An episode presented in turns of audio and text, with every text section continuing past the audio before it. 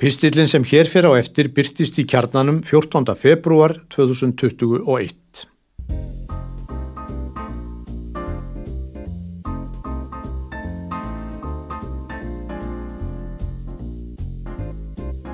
Sænska bollu innrásin Svíjar eru óumdeilanlega stórþjóðin í hópu Norðurlandana. Þeir eru fjölmennastir, Volvoin er sænskur eins og Gustafsberg og Abba. Svo eru það IKEA og Astrid Lindgren, Stíg Larsson og Ingmar Bergman. Allt þetta og ótal margt annað sameinast í þessu norræna stórveldi, Svíþjóð. Danir með Hási Annesen, Arne Jakobsen og Mads Mikkelsen, norðmenn með Edvard Munk, Henrik Ibsen og Holmen Kollen, Finnarnir með Sjansi Bielius, Kalevala og Múmin Álvana og við Íslendingar með Haldur Lagsnes, Björk og Sigur Rós höfum ekki róð við svíjum. Þeir eru stærstir og mestir okkar í norðrinu. Á einu sviði eru svíjar þó ekki óumdeltir norðurlandamistarar. Þeir hafa sjaldan verið taldir sérstakir snillingar á sviði matargerðar. Margir Íslendingar sem dvalist hafa í Svíþjóð, engum kannski sem námsmenn, þekkja vel korf, sænsku pilsuna. Korf var á átjándu öld kallað fátækramatur, ástæðan svo að pilsurnar voru ódýrar. Uppistaðan í pilsónum, sem oftast eru reyktar, er hakkað kjött, yðurlega feitt. Efnaðra fólk vildi sjálfnast leggja sér korf til munns og það orðspor fyldi pilsónum lengi. Í uppskriftabók sem nótu var í höll Svíja konungs á laungum valdatíma Gustafs V 1907 til 1950 eru 400 uppskriftir meðal þeirra er engin sem gerir ráð fyrir korf. Í könnun sem gerð var árið 1976 kom fram að korf væri mun oftar á borðum lálauna fólks en þeirra betur launuðu. En korf er ekki bara eitthvað eitt. Til eru fjölmarkar bækur fyrir þá sem vilja spreita sig á pilsugerðinni og enn fleiri uppskriftabækur. Hér á undan var nefnt að svíjar hafi ekki verið taldir til snillinga í matargerð. Það er vitaskuld alhæfing. Í Stokkólmi eru til dæmis 13 svo nefndir Michelin veitingastadir, stadir sem komast á blað í þekktustu bók í heimi á sínu sviði, Michelin Guide. Þótt svo bók sé ekki óbrygðul er hún leiðarvísir og veitingastæðir sem hljóta náð fyrir augum Michelin reykja sér af því í auglýsingum. Við Íslendingar getum ekki reykt okkur hátt í þessum efnum. Höfum einungis einu sinni komist á blað í stjörnugjöf Michelin. Danir gera gerna grína svíjum þegar tali bersta mat og matargerð, fussa og sveia yfir sænska korfinu sem að þeirra mati stennst ekki samanburð við dönsku pilsurnar og súrsildinni, súrströmning, fúlsa þeir við. Sænsku kjötbólurna segja Danir ekki jafnast á við hinnar dönsku frikadeller að maður nefni nú ekki smurbröðið. Það jafnast einfallega ekkert á við ekta danst smörribröð að mati Dana sjálfra. Hér skal engin dómur lagður á slíkt en svo mikið er víst að þegar minnst er á danskan mat eru það pilsurnar, purusteikin og smurbröðið sem fyrst kemur upp í hugan Danir telja sig sem sagt lítið þurfa til annara að sækja þegar matur er annarsvegar. Í bókinni Kóebók fór smó húsholningir sem kom út árið 1837 og er sögð fyrsta matreslubók sem útkom í Danmörku, ætluð almenningi, er uppskrift að því sem höfundur kallaði fastilánsboller. Ráefni í þessum bollum er hveiti rúsínur, appilsínubörkur, kardemómur og krem eins og það er orðað.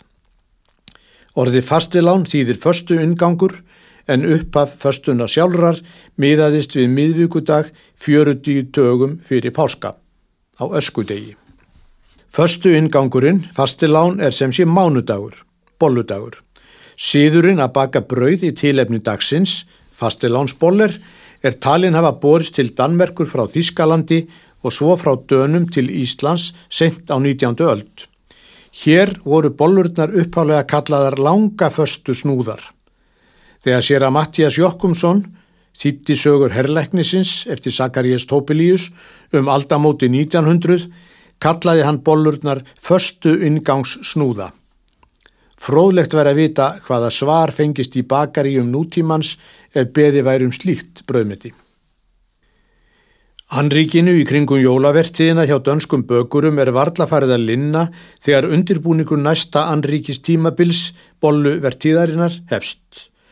Bollusalan byrjar laungu fyrir bolludag og eins og yðurlega í kringum fastilán er talsvert fjallað um bollur, mismunandi tegundir og tískuströyma í bollubransanum í dönskum fjölmiðlum.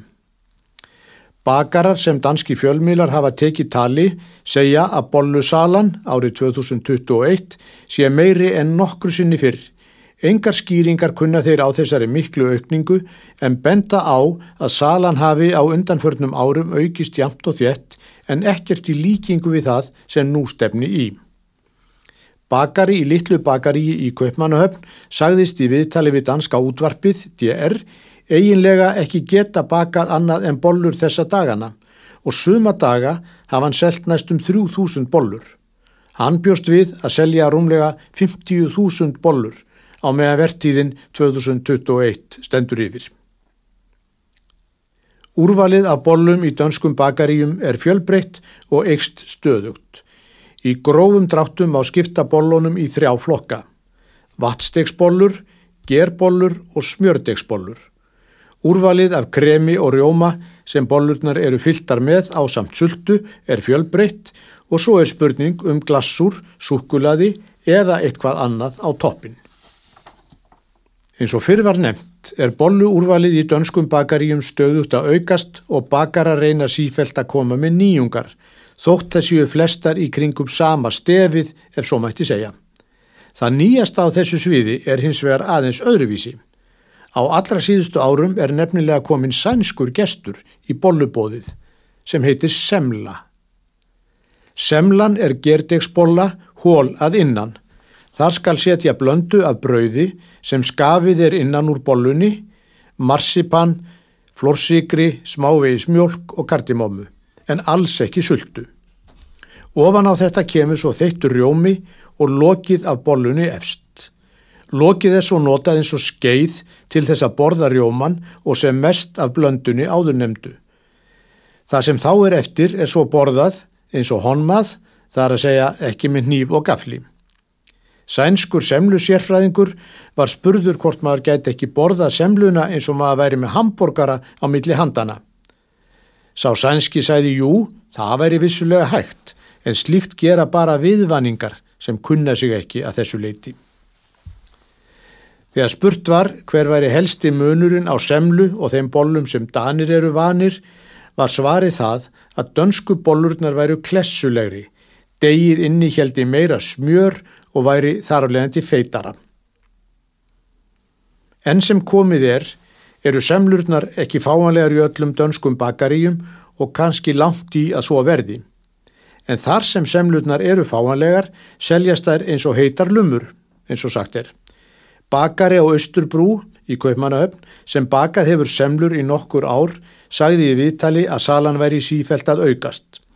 En þá væri einungis fá bakari sem væri með semlurna til sölu en með vaksandi vinsældu myndi það breytast. Þegar bakari var spurður hvort það væri ekki bara svíjar í kaupmanaupp sem kæmu til að kaupa semlurnar, svariði hann því til að hann hefði aðtuga það sérstaklega en sér síntist þetta fyrst og fremst vera danir.